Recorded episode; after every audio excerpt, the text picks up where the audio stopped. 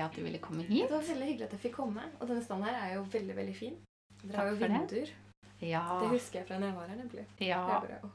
Jeg tror det er eh, veldig godt å være hest på Solstad. Altså. Ja. Og Oppstadlør, selvfølgelig. Men uh, vi har veldig fokus på hestevelferd. At alt skal liksom være veldig bra for hestene. Ja, Mm. det er bra.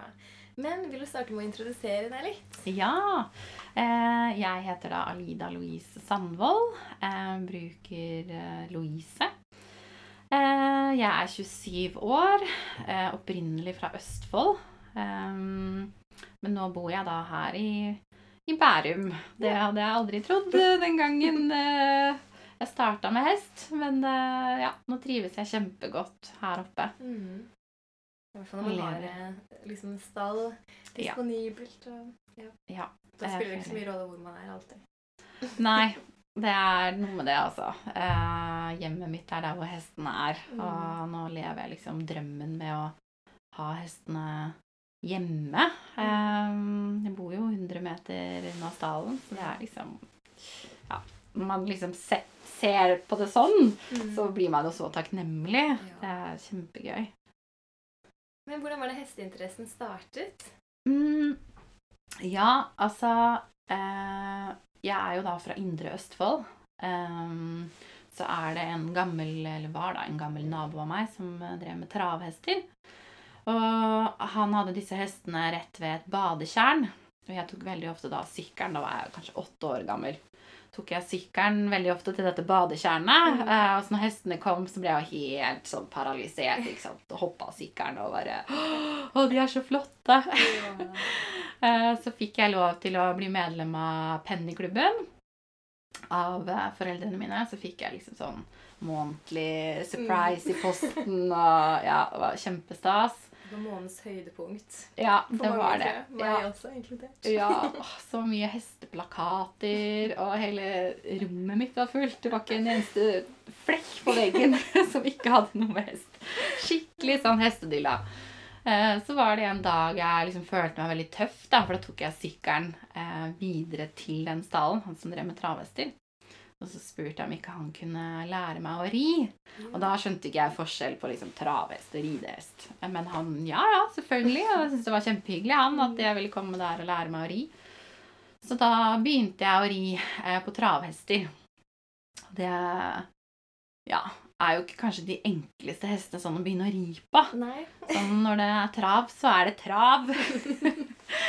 Eh, så ja, da var jeg sånn eh, åtte, ni, ti år da, i den tiden der. Eh, Det gikk så det dundra, og jeg husker jeg hadde en hjelm som var altfor liten, og den liksom humpa på hodet. Den sto helt på skeive og helt sånn gal Mathias. Men jeg tenkte jo ikke på det da. Det var liksom, ja. Eh, nei, så det var liksom sånn det starta, da. Starta med travhester, og så fikk jeg etter hvert begynne i, i rideskole Mm. eh, på Ullerøy. Så begynte jeg liksom å ri fast en gang i uka, og så fikk jeg hest på fôr etter hvert. Og så var jeg veldig heldig og fikk min første hest når jeg var 14. Mm. Da fikk jeg liksom min egne første hest, Ja. og det glemmer jeg ikke. For jeg um, var da i den rideskolen, og så hjalp jeg litt til ekstra i stallen. Uh, så husker jeg sto i en fliscontainer, hadde vi vært i Sverige da, og sett på denne hesten ehm, ja, noen dager i forveien. Og var liksom planen at ja, jeg skal få hest kanskje, men jeg vet ikke sikkert. Eh, men mamma og pappa hadde sagt at jeg hadde fått lov til å i hvert fall reise og prøve denne hesten. da. Mm. Så ringer pappa meg når jeg står i den fliscontaineren, og så sier han ja, du, den hesten som du prøvde, den, eh, den ble solgt, den. Åh. Og jeg liksom bare åh, åh, ja ja, nei, men altså Sånn er det. Så sier han sånn Ja, vet du hvem som kjøpte den hesten, da? Og så tenkte jeg åh, nå er det garantert noen jeg kjenner som har kjøpt den hesten. Det kommer jeg til å kjenne gnage.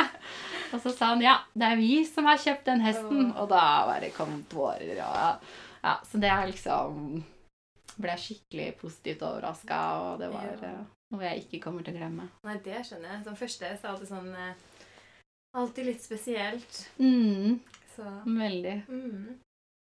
Men ja, så etter denne her hesten, da, hvor lenge var det du hadde den? Han hadde jeg i, i to år. Um, og så fikk jeg en, eh, en hest til etter hvert, som var liksom litt mer spranghest, da. For da kjente jeg at det var sprang jeg syntes var gøy. Mm. Um, så fikk hun forkalkninger. Hun var tolv tolv tolv år når jeg fikk henne. Så hadde jeg henne i et par år. Så fikk hun forkalkninger. Så solgte vi henne videre eh, til noen som ville bruke henne litt mindre, da. Eh, Så fikk jeg skrapa sammen penger, så jeg fikk kjøpt liksom min ordentlig første egne hest Mm. for mine egne penger. Han eh, husker jeg betalte 35 000 svenske for. Og det var Livius, så det var liksom en veldig spesiell hest for meg. Han hadde jeg i, i syv år eh, før jeg solgte han videre. Og jeg måtte selge han videre for å eh, få kapital til å kjøpe opp det firmaet som jeg i dag driver. Mm. Eh, så man må liksom gjøre noen kjipe valg for å Mm. komme videre, da. Ja. Så var det jeg måtte gjøre da. Mm. Men det firmaet som du driver nå, hva Kan du fortelle litt om det? Ja, eh, det var jo veldig spesielt og veldig tilfeldig på mange måter at det var jeg som endte opp med å eh, drive her. Eh, for omtrent fire år siden så var jeg ganske alvorlig syk. Jeg fikk plutselig diagnosen borreliose. Hva er det for noe? Eh, det, de mener jo på at det kun kommer fra flåttbitt. Oh, ja. Ehm, jeg kan helt ærlig ikke huske at jeg har blitt bitt av flått. Eh, men vi hadde hytte ved vannet når jeg var liten, eh, og der var det mye flått. Det Mm. husker jeg. Eh, men aldri at jeg kan huske at jeg hadde det. Nei. Men ja, for det er jo sånn som på en måte kan være liksom ligge i kroppen lenge før man merker noe, det, ja. Ja. Mm. Så det er nok det som skjedde, at det lå latent i kroppen min. Og på det tidspunktet jeg ble syk, så var jeg veldig godt trent. Jeg trente mye på treningsstudio ved siden av, ved siden av det å ri, da. Ehm, så begynner jeg plutselig å kjenne noe ubehag i brystet. At eh, hjertet mitt hadde en veldig merkelig bevegelse. Jeg kjente meg veldig rar, da. Mm. Ehm, så sier jeg det til kjæresten min at det, det kjennes veldig rart ut, men ja, det, er- det er ikke noe farlig, vel. Altså, jeg tenkte sånn, Det er sikkert sånn leamus, sånn Ja. liten sånn muskelkrampe som jeg hadde i brystet. Jeg turte liksom ikke å tenke at det egentlig var hjertet, Nei. selv om jeg kjente at jeg ble veldig sånn rar. Så ble vi enige om at jeg skulle stikke på legevakta da, og sjekke det, for det kom liksom ganske hyppig, og bare sånn plutselig etter trening. Så fant de jo da ut at eh, med et sånn EKG at det var noe rart med hjertet. Altså eh, hjerterytmen, da. Mm. At det viste at det var noe rart der. Eh, men ikke noe som nødvendigvis var farlig. Så han bare ba meg sjekke det med fastlege, da. uh, uka som kom. Så gjorde jeg det, og det var en kjempelang prosess. Uh, etter hvert så ser man jo liksom at det utvikler seg, at det blir mer og mer alvorlig. Mm. Så får man kanskje ikke Um, liksom sett eller funnet helt ut hva det er. Nei, det var det. Og så alle blodprøver og alt. Det tok liksom lang tid. Uh, og hele prosessen tok faktisk eh, ti måneder fra første symptom til, eh, til jeg på en måte ble ferdig i gåsetegn behandla Mm. for det som, eh, det som var eh, årsaken. Så det ender da med at de konkluderer med at det er borreliose. At det har bitt seg på det elektriske nettverket fra hjernen til hjertet. At det blir forstyrrelser der. Um, og det var ikke noe feil med selve hjertet mitt, eller heller ikke noe i familien som tyder på at det liksom skulle være noe rart. Eh, så blir det da til at jeg får putta inn eh, sånn eh, hjerteovervåker, en reveal, for å liksom følge med på hjerterytmen min. Så var det ja, spesielt den siste hendelsen var ganske kraftig. Det var 100 meter herfra. Hjemme våkner jeg midt på natta, så kjenner jeg at jeg hadde ganske magesmerter. Når jeg er syk, så er jeg litt sånn åh, nei, nå vil jeg være litt alene. Så jeg lister meg ut av soverommet, og da våknet uh, kjæresten min heldigvis.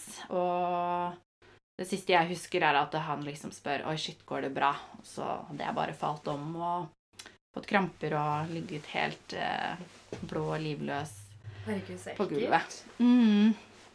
Veldig. Og jeg er glad jeg på en måte ikke var til stede Ja. eh, selv i den dramatikken som stakkars kjæresten min eh, måtte være med på. Uh, telefonen hans var på sånn systemoppdatering, og han skulle ringe til ambulansen og var kjempestressa. Liksom, trykker helt febrilsk på den telefonen ikke sant, for å få den ut av det. Og vi bor jo oppe i skauen, da, så ambulansen kjørte først forbi. Og så måtte han drive og blinke med lyset for å liksom bare 'Hallo, vi er her!' Så det var skikkelig dramatisk. Ehm, men jeg kom meg etter hvert på sykehuset, og de fikk da spilt av denne overvåkeren eh, etter hvert. eh, og ser da at jeg hadde et ganske langt stopp. Mm. Um, og da fikk jeg implantert en pacemaker på Ullevål. Ja. Det gikk veldig fort. Da fikk jeg liksom beskjed Når jeg kom inn der, og de fikk over alle papirer og resultater og sånn, så sa de liksom bare OK, du har 15 minutter på deg til å ringe de du måtte ville. Vi gjør klar operasjonsrommet til deg nå. Herregud. Så det var litt, eh, det var litt drama, men allikevel så kjentes det veldig trygt å liksom få den på plass. Fordi Mm. det hadde ja, hjertet mitt hatt mange småstopp. Hvis du ikke hadde merket det, eller hadde du merket det? jo, jeg hadde merka det. Jeg kjente at jeg veldig ofte ble svimmel. Og så hadde jeg også hatt ett, en hendelse hvor jeg også havna på akuttmottaket en gang. Eh, hvor jeg var skikkelig dårlig. Jeg hadde våkna på natta igjen med at jeg hadde kasta opp. Um, og moren min er helsearbeider, så hun liksom la, la, la sammen én pluss én og Mm. tenkte ok, det her kan ikke være bra. Og da, Det var før de hadde implantert den hjerteovervåkeren, så da fikk de ikke sett hva som skjedde. Men da skjedde det samme igjen der, at jeg fikk disse krampene. Jeg ble helt borte. Det var liksom ikke noe puls, ikke noe pust, ingenting. Oh, hadde jeg våkna um, av meg selv, da, for da hadde de kasta meg opp på en båre. og liksom ja, smelt meg litt Ja. i, i, i båra. Og da hadde jeg liksom kommet til meg selv, da. Uff. Så moren min var jo helt fra seg. Hun, eh, hun trodde jo at eh, jeg døde liksom i armen hennes, da. Em, men de visste ikke hva det var, så de kunne liksom ikke gjøre noe med det. Og ja, de stoppene jeg hadde, varte ikke mer enn sånn seks til åtte sekunder. Og det, da får jo ikke hjernen surstoff, så da kan man kjenne at man liksom blir litt svimmel da, på de sekundene der. Mm. Så ja. Nei, så jeg er veldig glad jeg til slutt fikk den pacemakeren. Og nå går jeg rundt og har min sånn egen lille bodyguard her i Mm. brystet. Ja. Uh, fungerer eh, relativt bra, altså. Jeg Mm. blir nok aldri helt frisk, så jeg har fortsatt litt sånne symptomer som, som henger med meg i hverdagen. Men uh, jeg er bare kjempetakknemlig, for jeg følte jeg fikk litt sånn second chance in life. Ja. med å Ja. Mm. Og det var derfor du valgte å starte firma? Yes. Det ble et sånt vendepunkt for meg, um, hvor jeg tenkte at uh, hva, hva er det jeg elsker å gjøre? Hva er det jeg virkelig vil i livet mitt, Mm. liksom? Og hele veien så har hestene, og dyr da generelt, hatt en veldig stor greie i livet mitt. Så tenkte jeg først, når jeg ble spurt om å ta over, at nei, det er jeg ikke frisk nok til. Det orker jeg ikke, det klarer jeg ikke, det blir for mye for meg. Men så ja, bestemte jeg meg bare for at nei, vet du hva, jeg skal gjøre det. Jeg skal bare få det til. Mm. Eh, og det gjør jeg. Mm. Nå har jeg fire egne hester eh, og egen stall. Masse oppstallører, masse elever.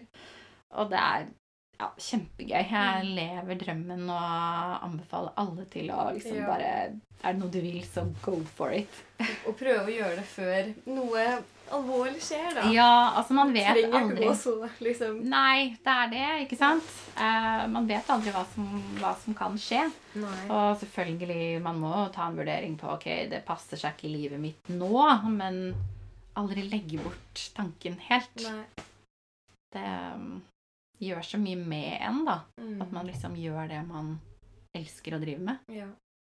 ja, det er veldig sant. Mm. Så Men ja, du underviser og rir selv. Hva liker mm. du best? Hva jeg liker best? Ja. Åh, det er egentlig veldig vanskelig, fordi jeg blir så engasjert når jeg underviser. Mm. Og det er en veldig mestringsfølelse det også, faktisk. Å se at elevene mine mestrer ting, og at de blir flinkere, at man følger opp og, Mm. og ser at de lykkes, da. Eh, og sånn nervemessig så kjenner jeg det å se på elevene mine i konkurranser eller sånn. Jeg blir så nervøs. Yeah. Altså Gud. Eh, Jeg blir ikke like nervøs når jeg rir selv lenger. Nei, ble du det før? Ja, jeg ble veldig nervøs før. Men eh, nå har jeg liksom jobba litt med det. Mm. Um, og liksom, ja Lært meg å fokusere på en helt annen måte. Mm. Um, og så er det noe med det at når du rir selv, så har du en viss kontroll selv. Ja. Men ser du på andre, så Så har du ikke noe får du liksom ikke gjort noe. Det er veldig, veldig sant. Ja, det er liksom det. Ja. Men jeg husker veldig godt uh, de første store konkurransene mine. Jeg skulle ri AEG for første gang på Livius, da. Eh, den, mine egne hest. Eh, vi skulle debutere da eh, i 1.25 inne på AEG, og jeg var så nervøs. Vi var da, hadde varmet opp på den oppvarmingsbanen ute der. Så går vi da inn i den eh, tunnelen inn mot Mm. arenaen, og jeg liksom skritter innover der og ser liksom arenaen bare åpner seg, og det er mennesker og TV-skjermer, og alt bare var sånn veldig overveldende. Da var søsteren min eh, med meg, så hun gikk ved siden av. Hun kløyp meg i låret, for hun så jeg var helt fjern. ikke sant? Jeg hadde helt sånn skikkelig tunnelsyn. Eh, Da var jeg ordentlig, ordentlig nervøs. Da hadde jeg faktisk ikke kjent at hun kløp meg i låret engang. Ja, så Men eh, det gikk bra, og vi havna i finalen, og jeg har liksom alltid klart å Når jeg først begynner å ri, så Mm. fokuserer jeg på ridningen. Ja. Så det har liksom alltid redda meg. Mm. Men nå har jeg også lært meg litt sånn teknikker sånn i forkant, så jeg slipper å bli sånn dødsnervøs Ja. før jeg skal i ringen. ja, for det er veldig kjærlig. For jeg blir heller ikke så ofte nervøs. Men noen ganger, men det, det er i så fall liksom mer rett før. Men Mm. en gang man har startet, Ja. så eh, liksom går det over. Men det er jo noen som er kjempenervøse Mm. også. Ja, da ja. Også. Mm. Og det, da, jeg syns veldig synd på de som Ja. har det sånn. Ja. Jeg blir fortsatt nervøs, men det er ikke sånn at jeg mister det helt. At jeg Nei. faktisk ikke kjenner at folk klyper meg i låret. Det, ja. Det, Hva slags teknikker er det du har? eh, Det er litt sånn mental trening. Um, Har du noen tips? ja, mange. Men um, for å tenke på hva jeg på en måte syns er det mest vesentlige, er jo Altså, hva er man redd for, ikke sant? Hva er man redd for at skal skje? Og det er jo liksom at det skal gå gærent, eller at det ikke skal gå etter planen, og, og sånne ting. Men å prøve å ikke være så trangsynt, og være litt sånn open-minded og liksom tenke litt Ta seg tid til å liksom tenke litt her og nå. Ikke på alt som kan skje, eller som kan skje, eller i det hele tatt. Og liksom fokusere litt Ta ett og ett hinder. Ta liksom ett og ett galoppsteg av gangen, og liksom fokusere på det du gjør nå. Mm. Ikke fokusere på alt rundt. Mm. For det har jeg liksom hatt en greie med før. Da. Jeg har fokusert veldig mye på dem som ser på. Og så er det sånn Åh, nei! Å, den og den ser på, og den og den, og Å, gud, ikke sant? Eh, så er de i gang. Men liksom bare fokusere på deg og hesten, og hindrene, eller det dere oppgaven, da. Mm. Oppgaven, det man skal gjøre. Få meg et riv, ikke ta det med deg. Bare tenk til neste. Mm. Liksom, glem det, og tenk videre. Men kan du ikke fortelle litt om hestene dine? Mm. Ja. Um, da kan jeg begynne med Joey. Det er han jeg har hatt lengst. Um, eller han fikk jeg uh, for ja, nå er det halvannet år siden cirka. Uh, det er liksom min beste hest uh, per i dag. Han har gått høydehoppning en gang i tiden. Oh, ja. um, men ikke så mye erfaring i uh, ellers andre sprangklasser, konkurranser, liksom. Så med meg uh, så har han gått nå 1,30. Um, det er det høyeste han har gått før, så vi debuterte 1,30 ja, i fjor vinter. Mm. Så har han gått nå også en internasjonal 1,30. Uh, så planen der er å, å få han opp litt høyere. Um, nå er han uh, skada, eller han hadde en overanstrengelse i en scene. så han skrittes og traves uh, per dags dato, da. Mm. Så han er liksom på vei opp igjen. Uh, det er Joey, og så har jeg en annen uh, hest som heter Diva. Joey er ti, og Diva er også ti. Um, hun er en eh, ja, sprang-slash-feltridshest. Um, hun har gått 1,25. Uh, ja, planen der er egentlig å få henne bare opp og frem og selge henne. Mm. Hun har også vært uheldig og fått en skade, så hun også skrittes og traves uh, akkurat nå. Um, så er det en som heter Mandino.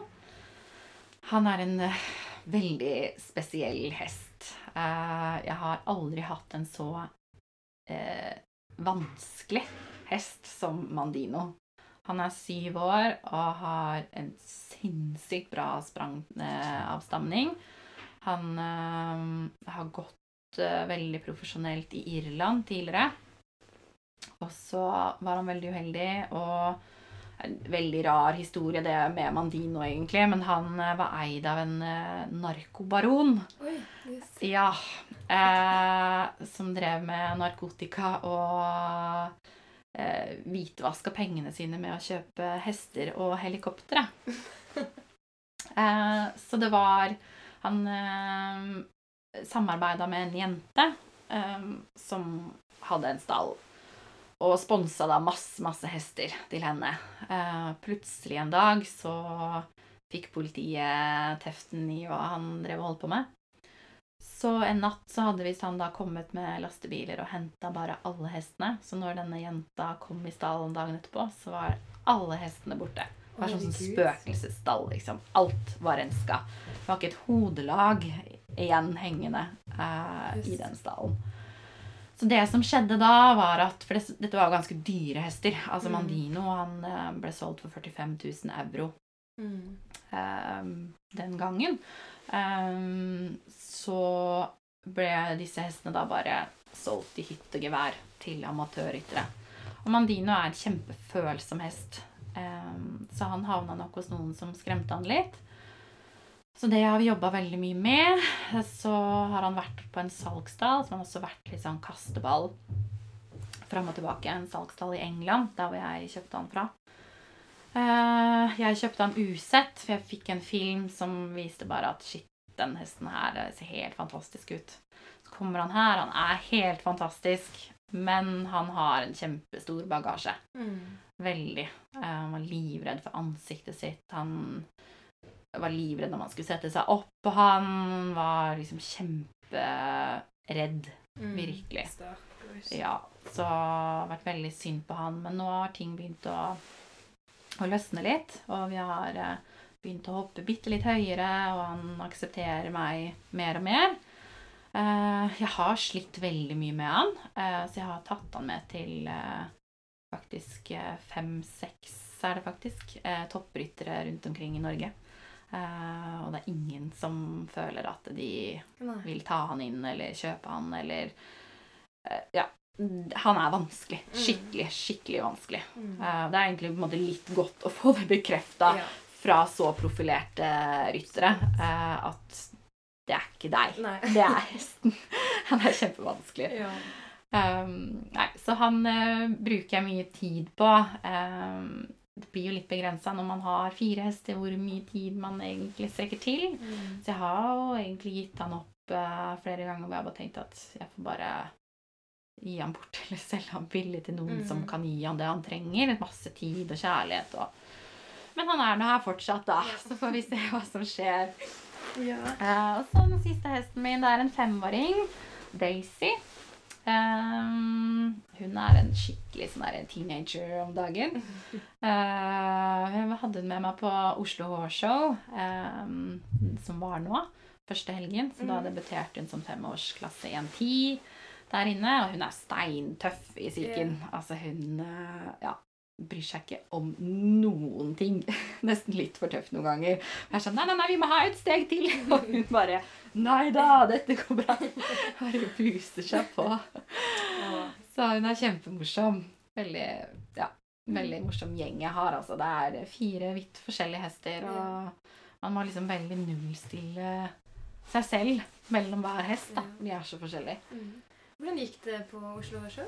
Mm, det, gikk, det gikk ganske bra, altså. Hun eh, første dagen så ble hun faktisk andre beste femåring. Ja. Eh, det var helt over all forventning. Eh, kjempegøy. Når liksom debuterte Ja. en tid og aldri vært på en sånn arena før. Og, Nei, det er jo veldig annerledes det enn eh, mm, å ri også en tid et annet sted. Så er det jo liksom eh, Ja. ja. det er det, altså. Mm. Så det var jeg kjempefornøyd med. Eh, de to andre dagene så fikk hun eh, to riv i hver klasse, men hun hadde liksom Gjorde mye bra. Hun er veldig vanskelig også. Eh, så det er liksom mye hest og ri mellom hindrene. Hun er veldig Mm. heit. Og hvis hun ikke får lov til å gå frem, så går hun noen ganger opp. Så det blir sånn ekstra sprang foran hindrene noen ganger. Så hun har en lang vei å gå, men det er veldig gøy å ta med og liksom få den treningen da, Mm. som det vi gjorde. Ja. Men er den også Er de fleste hestene til salgs? Ja, jeg har jo eh, bestemt meg for det. Drømmen min er jo liksom å kunne ha to-tre skikkelig gode hester selv. eh, som kanskje har gått eh, en, i hvert fall noe litt høyere klasser. Nå har det jo vært sånn at jeg har måttet utdanne hestene mine selv i de klassene som på en måte jeg også må debutere i, da. Ehm, jeg har aldri hatt en hest som på en måte har, har gått noe stort, da. Um, så de hestene som jeg har, ridd, det høyeste jeg har ridd, er 1,30. Uh, og da har liksom jeg utdanna hestene mine selv til å gå 1,30. Mm. Um, så har jeg heller ikke hatt mulighet til å ha hester som har kapasitet til å gå veldig mye høyere. Men nå har jeg Joey, og han har mye kapasitet, men han har eh, en ulempe med at han bytter ikke så lett galopp. Nei. Så det er klart når hindrene kommer fortere og høyere og Mm. tettere, så er det Det er litt vanskelig. Mm. Uh, Det er det, men jeg har som fortsatt som et mål å ri, ri han høyere. Mm. Det har jeg. Men jeg har da i hvert fall bestemt meg for at jeg må uh, selge da, alle de jeg har nå. Mm. Prøve å utdanne de så mye jeg klarer selv. Eh, og så selge de når de på en måte er på topp. Så skal jeg da Mm. bruke kapitalen der til å sette sammen eh, Mm. til en kake og få en skikkelig bra, eller Mm. to eller tre, hva jeg klarer, da. Ja. Eh, gode hester selv. Altså det kan komme enda høyere i Mm. klassene, da. Ja. Hva syns du er den beste, eller hva er den viktigste egenskapen til en spranghest? Ja, jeg har tenkt litt på det, eh, og jeg tror at jeg vil si det må bli psyken, altså hodet til Mm. spranghesten, for det er mye man kan trene på. Og jeg ser også sånn som Mandino, da. Han har jo helt fantastisk sprangkapasitet. Mm. Han har ikke hodet sitt på plass. Ehm, så jeg tror liksom man kan komme veldig langt med en hest som er veldig kald i hodet, som er veldig Mm. tøff i hodet. Teknikker og sånn kan man jo gjøre masse øvelser på. Jeg har jo hatt tidligere hester som jeg trodde egentlig ikke var kapable til å hoppe høyere enn en meter. Mm. Um, men med liksom masse teknikktrening og sånn, så er det liksom en 20 helt innafor. Og Mm. Ehm, mye kan trenes opp, da, men det spørs jo helt selvfølgelig Skal man ha en Grand Prix-hest, så er det kanskje mer enn én egenskap som man trenger, men sånn til et middels nivå så tror jeg hodet er liksom Det er i hvert fall jeg ser på som er viktig, da. Mm. Hva syns du, eller hva bør være den beste egenskapen til en rytter, da? Mm, det også er eh, hodet, syns jeg. Fordi ridning er veldig mental, eh, mental sport. Eh, ikke at man skal være steinkald eller sånn, men man skal liksom være litt til stede i nuet. Man skal liksom føle hva som skjer. Man skal tenke over det hesten gjør. Hvorfor gjør hesten det her nå? Da må jeg kanskje gjøre noe annerledes. Uh, ja, så jeg vil si altså det sitter mye, mye mellom øra. Mm. Hvis man vil bli kjempegod, da. Mm. Altså Det er så deilig å bare ri på tur og ikke egentlig tenke noe på hesten. Og liksom bare Ja. tenke på seg selv og naturen. Det er ikke det, men, eh, men jeg tror det er veldig viktig å være oversiktlig i hodet sitt når man Mm. rir. For det smitter litt over på hesten også. Er du flink til det, da? Eh, jeg får høre det i hvert fall eh, av dressurtreneren min. Jeg rir for Lillian Grepne. Og hun skryter ofte om at jeg er eh, god til å liksom ha oversikt. Men det er klart det er veldig lett å dra med seg ting i hverdagen og skli litt ut og liksom Ikke nødvendigvis at man tenker på det, men man blir litt sånn forstyrra oppi hodet sitt likevel. For man er liksom ikke helt sånn avbalansert. Nei. Um, og det gjenspeiler seg veldig i ridningen, kjenner jeg, da. De gangene hvor jeg rir på morgenen, Mm. det er liksom oftest da det går bra. Men sånn etter jeg er ferdig på jobb klokken fire, så Mm. skal jeg i stallen. Ja. Og så liksom bare prøver alt man kan. liksom, og bare, ok, nå skal jeg ri. Så det er jo som du sier, det er jo veldig lett å Mm. Du sitter og tenker litt på noe annet når man traver rundt, og så kanskje bare når man varmer opp, men da liksom kjenner man ikke helt liksom sånn hva som skjer Mm. liksom med hesten under. da, Så er det bare sånn hm, Stikker den ut skulderen, eller gjorde den ikke det? Sånn, ja. Det merker man jo mye mer hvis man er litt mer sånn Ja, ikke tenker på så mye annet Mm. enn hesten. ja, Så- jeg tror det er viktig, altså. Mm. Hodet. Det er både på hest og, og på rytteren. Ja. Mm. Det som er fint med, med rytteren, da, er jo at det kan man jo jobbe med. Det kan man Man, jobbe kan med. jo jobbe med hesten også, Ja. men, eh, men det er jo enklere å ta ansvar for seg selv. Helt klart. Absolutt. Det er det, altså. Eh, det fins mange teknikker og mange måter å trene det på, men det, det kan ta tid, altså. Mm. Man må jobbe litt eh, med det. Ja. Jeg ser jo også Ta et eksempel da, med Mandino, som sliter litt med, med seg selv, da. um, så uh, har jo han også veldig godt av masse sånn variert trening, masse positivitet, og liksom så blir jo han også mye mer i nuet, han også, når vi Mm. trener. Jeg ser jo liksom at han aksepterer å være litt mer her og nå, han også. Mm. Ikke, ikke det å grue seg til hva kommer neste Nei. hele tiden. Så det, ja, det er som du sier, da, det tar litt, litt lengre tid med hest. Mm. Det gjør det. Så. Men planene for fremtiden, da? Ja. Mm, Du har jo nevnt litt med at du vil liksom Men det er liksom hovedsakelig ridning du vil satse på? Og ri liksom høyere klasser? Ja, det er det, altså. Eh, selv om jeg har fått høre fra Jeg har jo falt av mye. Jeg har fått en del skader og skavanker og ting her og der. Så jeg har jo fått høre det fra legene mine at eh, du skal ikke fokusere litt mer på sånn undervisning og sånn, da. Bare, jeg skal ikke pensjonere meg i en alder av 27. Altså, hallo! I ryttersporten så kan man jo holde på mange, mange år, så jeg er jo ikke noe som en sånn langrennsløper akkurat. Um, nei, så planen er å til beste evne å fokusere en del til på ridningen. Mm. Og da jobbe meg opp da, med å få opp mer kapital til at jeg kan kjøpe meg eh, enda bedre hester, da Mm. som har mer erfaring. Ja. Tenker Det er lett, altså det er jo ikke det at det er umulig, men, men det er lettere, tror jeg, å debutere høyere klasser på en hest som har gjort det før.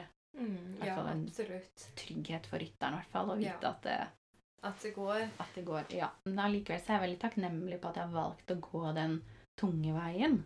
Eh, Med at jeg måtte kjøpe de vanskelige, de eh, som ikke har så mye erfaring, har ikke noe rutine. Liksom, da, da man blir flink. Mm. Det er Jeg ser jo, sant. ser jo det at det vil jo bare gi positive ting til Mm. meg igjen i ettertid. det. Så kjenner man at bare Å, er det så lett det er å ri? Og plutselig da kommer jeg på en som, som er rutinert, da. Ja, at man må liksom ha fått, fått seg litt motgang også med liksom de hestene man rir, da, så man ikke bare gir opp eh, liksom sånn med en gang det blir vanskelig. Mm. Ja, helt klart.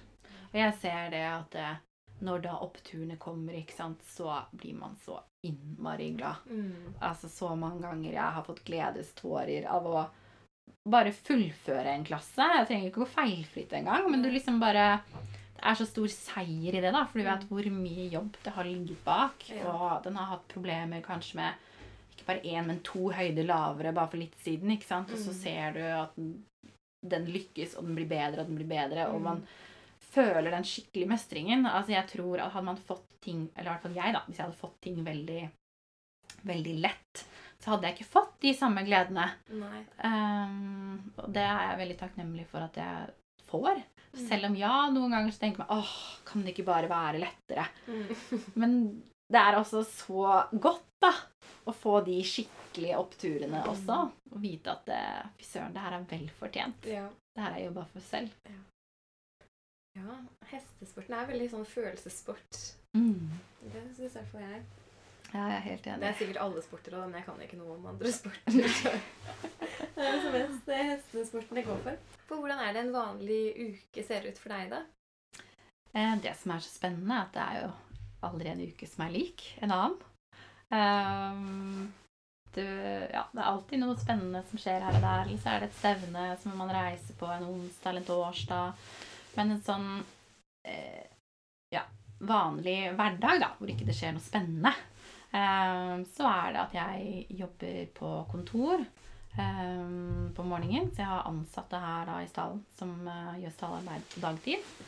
Eh, så jobber jeg til sånn cirka ja, ett-to. Så kommer jeg i stallen, så rir jeg mine egne. Eh, så har jeg kanskje undervisning på kvelden, eller rir for trenere selv. Så kommer jeg hjem sånn syv, åtte, ni, eh, ti kanskje. så jobber jeg igjen. Eh, da er det Ja, skriver jeg tilbuder, tilstandsrapporter, litt sånne ting Mm. med jobben min, da. Ja, okay, ok. Ja. Så jeg deler liksom opp litt, for jeg vil gjerne få mest mulig tid, sånn dagtid, i Mm. stallen. Så derfor så har vi også gjort det sånn at jeg har liksom kontortid da, til sånn tidlig ettermiddag. Så har jeg hele ettermiddagen tidlig kveld i stallen. Så jobber jeg heller igjen på kvelden. ja. Det blir lange dager, da. Det blir veldig lange dager. Det gjør fort det, altså. Og det blir fort uh, litt lange netter også. Um, jeg driver jo eget firma også, så det blir jo litt kontorarbeid der òg. Så jeg må liksom smette inn litt Ja. her og der. Eh, så jeg kjenner jo på at kanskje fire hester er kanskje én hest for mye. Men eh, det er jo så gøy, så jeg føler liksom at det er verdt det. Ja. Mm.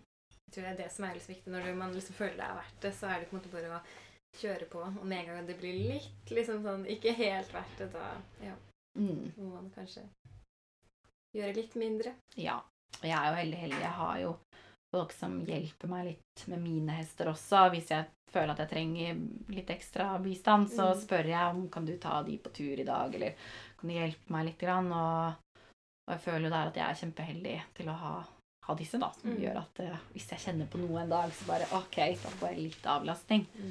Men pleier du å ri liksom alle fire hver dag?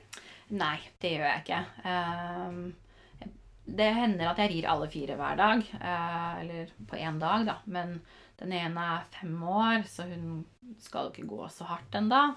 Og Mandino også gjør jeg litt mer sånn alternative ting med. Så han nødvendigvis sitter jeg ikke og rir på hver dag heller. Leker litt i ridehuset, eller jogger på en tur, eller liksom ja, gjør Mm. litt andre ting, da.